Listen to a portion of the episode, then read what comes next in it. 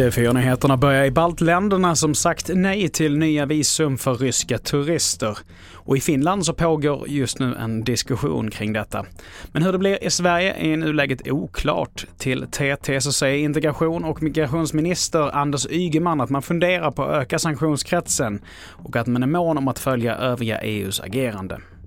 Vidare till Konjunktursinstitutet KI som skriver på sin hemsida att svensk ekonomi kommer att gå in i en lågkonjunktur nästa år.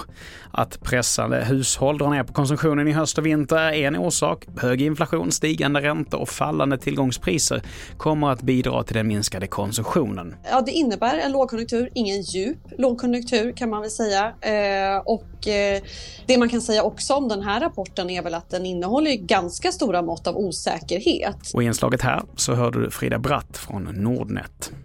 Och till sist, hockeylegendaren Börje Salming har fått nervsjukdomen ALS.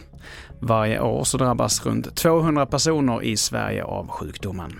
Fler nyheter hittar du på tv4.se. Jag heter Mattias Nordgren.